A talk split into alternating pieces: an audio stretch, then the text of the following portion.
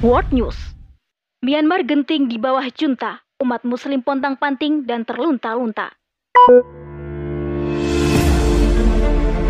Suara desingan peluru, peluh yang bercucuran, dan jiwa yang terombang-ambing menjadi deskripsi singkat akan situasi yang dihadapi oleh Myanmar pasca demonstrasi perlawanan terhadap militer kian memanas.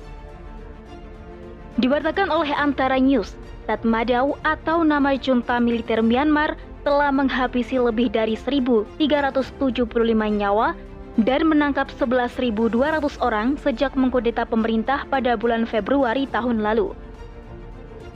Selain itu, menurut laporan dari Myanmar Now, kondisi Myanmar saat ini sangat kacau mengingat perlawanan rakyat terhadap junta yang direspon dengan kekerasan bahkan pembunuhan oleh pasukan militer dan aparat. Pemerintah Myanmar yang secara de facto berada pada kekuasaan junta militer ini juga masih dengan bengisnya melakukan pembersihan etnis dan membumi hanguskan pihak anti-junta. Bahkan untuk menjadi lampu hijau bagi tindakan itu, junta tak segan menyebut kelompok-kelompok yang melakukan berlawanan atas kekuasaan hasil kudetanya itu sebagai teroris dan menyebarkan propaganda agar mereka tidak dibantu oleh berbagai elemen di Myanmar. Kondisi mencekam ini, jika belum menemukan titik hentinya, maka menempatkan Myanmar di ambang kehancuran karena konflik vertikal menjadi tak terelakkan. Berbagai upaya yang dianggap mampu menjadi solusi yang dilakukan oleh berbagai pihak bilateral dan multilateral pun hingga saat ini masih menemui jalan buntu. Sementara itu, berlanjutnya situasi ini sama saja dengan merelakan nasib rakyat sipil, termasuk di dalamnya adalah umat Islam sebagai kaum minoritas di Myanmar terlunta-lunta tak tentu arah. Myanmar menjadi negara yang merdeka dari kolonialisme Inggris pada tahun 1948. Sejak mendeklarasikan kemerdekaannya itu, Myanmar menjalankan sistem demokrasi parlementer hanya saja sistem ini berjalan hanya selama 14 tahun saja. Karena pada tahun 1962, Jenderal Militer Myanmar melakukan kudeta dan mengganti arah pemerintahan menjadi Republik Sosialis dan terus berjalan selama 26 tahun berkuasa. Barulah di tahun 2011, kekuasaan militer ini beralih ke kekuasaan sipil setelah partai rival dari militer yakni Partai Persatuan dan Pembangunan memenangkan pemilu tahun 2010 dengan telak. Namun lagi-lagi pihak junta berhasil merebut kekuasaan de facto Myanmar pada tahun 2021 lalu. Walaupun militer tidak menjabat sebagai presiden. Pemimpin militer Myanmar dalam hal ini memegang posisi sebagai Perdana Menteri. Selama junta berkuasa, berbagai kebijakan yang represif dan tertutup sering mereka terapkan atas rakyat Myanmar. Hal inilah yang sering disebut menjadi alasan mengapa rakyat sipil menyaringkan suara penolakan mereka terhadap tindakan junta militer. Tinta hitam boleh jadi lebih dominan mewarnai catatan kekuasaan militer atas hak-hak rakyat sipil. Bahkan pada tragedi genosida Muslim Rohingya diarahkan pada tahun 2012 dan 2015 lalu, militer memegang peran yang signifikan dalam pembunuhan dan pemerkosaan Muslim-Muslim Rohingya. Dari dua fakta ini tampak jelas bahwa siapa pun penguasanya, militer ataupun tidak, ketika kaum muslimin merupakan pihak minoritas, maka mereka tetap saja didiskriminasi sedemikian rupa dan menyebabkan konflik antara penguasa dengan rakyatnya sendiri tidak bisa dibendung.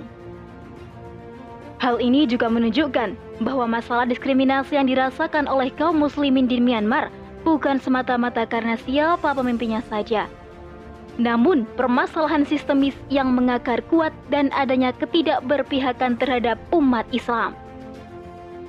ASEAN sebagai organisasi regional yang menaungi Myanmar juga telah menunjukkan sikap atas kondisi negara yang menghabisi nyawa rakyatnya atas dasar menjaga kekuasaannya ini.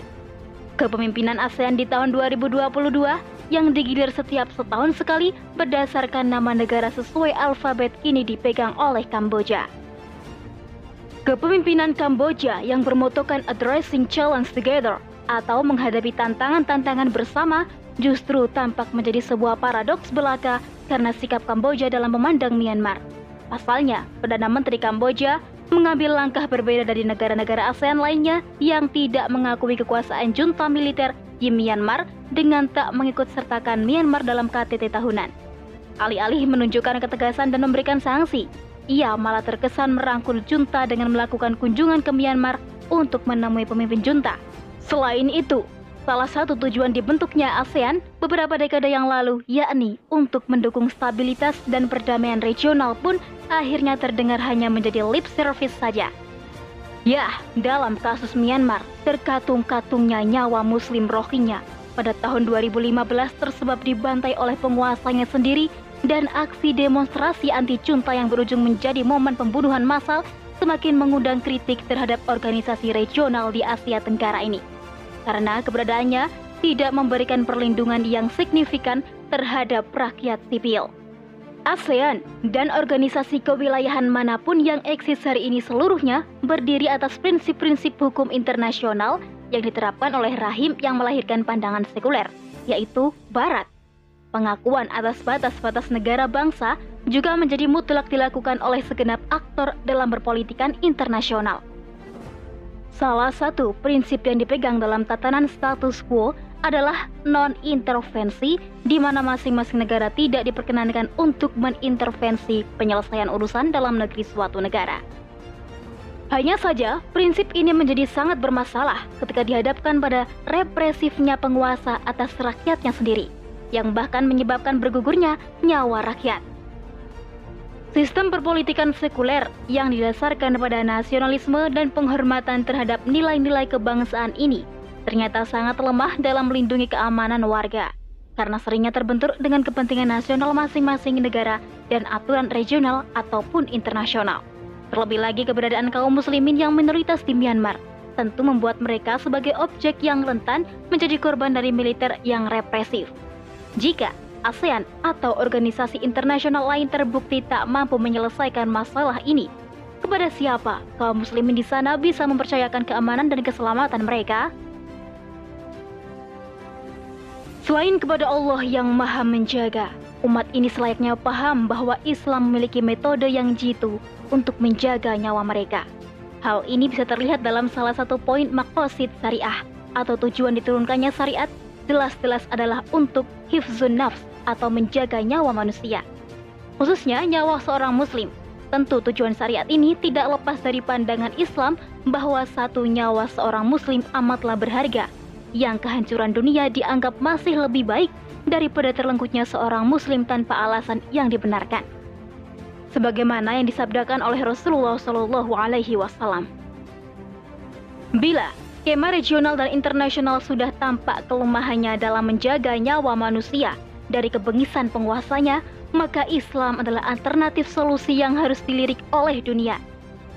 Hanya saja makosid syariah tersebut agaknya sulit bahkan cenderung mustahil bisa terwujud secara sempurna bila syariat Islam itu sendiri tidak menjadi landasan kehidupan dalam peradaban hari ini. Makosid syariah itu hanya akan terlaksana ketika sebuah negara menjalankan Islam dengan total dari aspek hulu hingga ke hilirnya. Negara yang tidak sekuler yang berjalan atas dasar kepentingan nasional belaka. Namun negara yang berhukumkan Al-Quran dan Sunnah Rasulullah Shallallahu Alaihi Wasallam, negara itu tidak lain dan tidak bukan adalah negara Islam yang kini marak diperbincangkan, khilafah Islamiyah. Saya Dewi Fitriana melaporkan dari naskah Iranti Mantasari BAIR MSI. Sekian dan wassalamualaikum warahmatullahi wabarakatuh.